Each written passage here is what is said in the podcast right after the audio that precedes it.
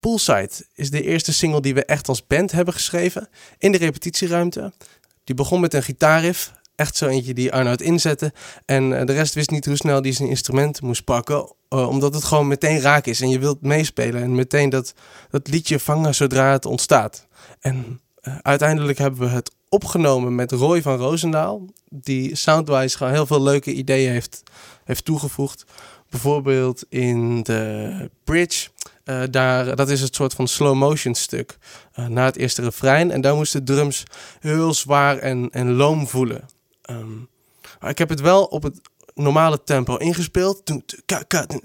En vervolgens hebben we dat half zo snel afgespeeld. Waardoor je dat krijgt. En dan wordt het heel vet van. Um, ik heb ook hele goede herinneringen aan het releasefeestje in, in Café de Bastaard in Utrecht. Uh, daar kwamen ook onze makkers van de band Nico spelen.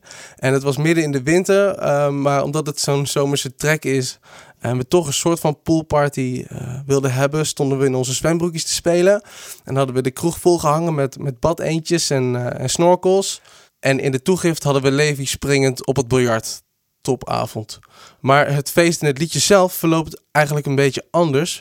Poolside gaat namelijk over een high school poolparty waar alle cool kids zijn. Maar jij bent niet uitgenodigd, dus je voelt je buitengesloten.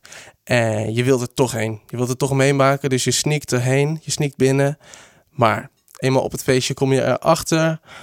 Je bent niet op je plek daar en je hebt er toch het gevoel dat al die mensen hun tijd aan het verdoen zijn. En je vindt jezelf aan de poolside en je kijkt naar alle rokende kids op het balkon en denkt: hé, hey, dit was toch een poolparty?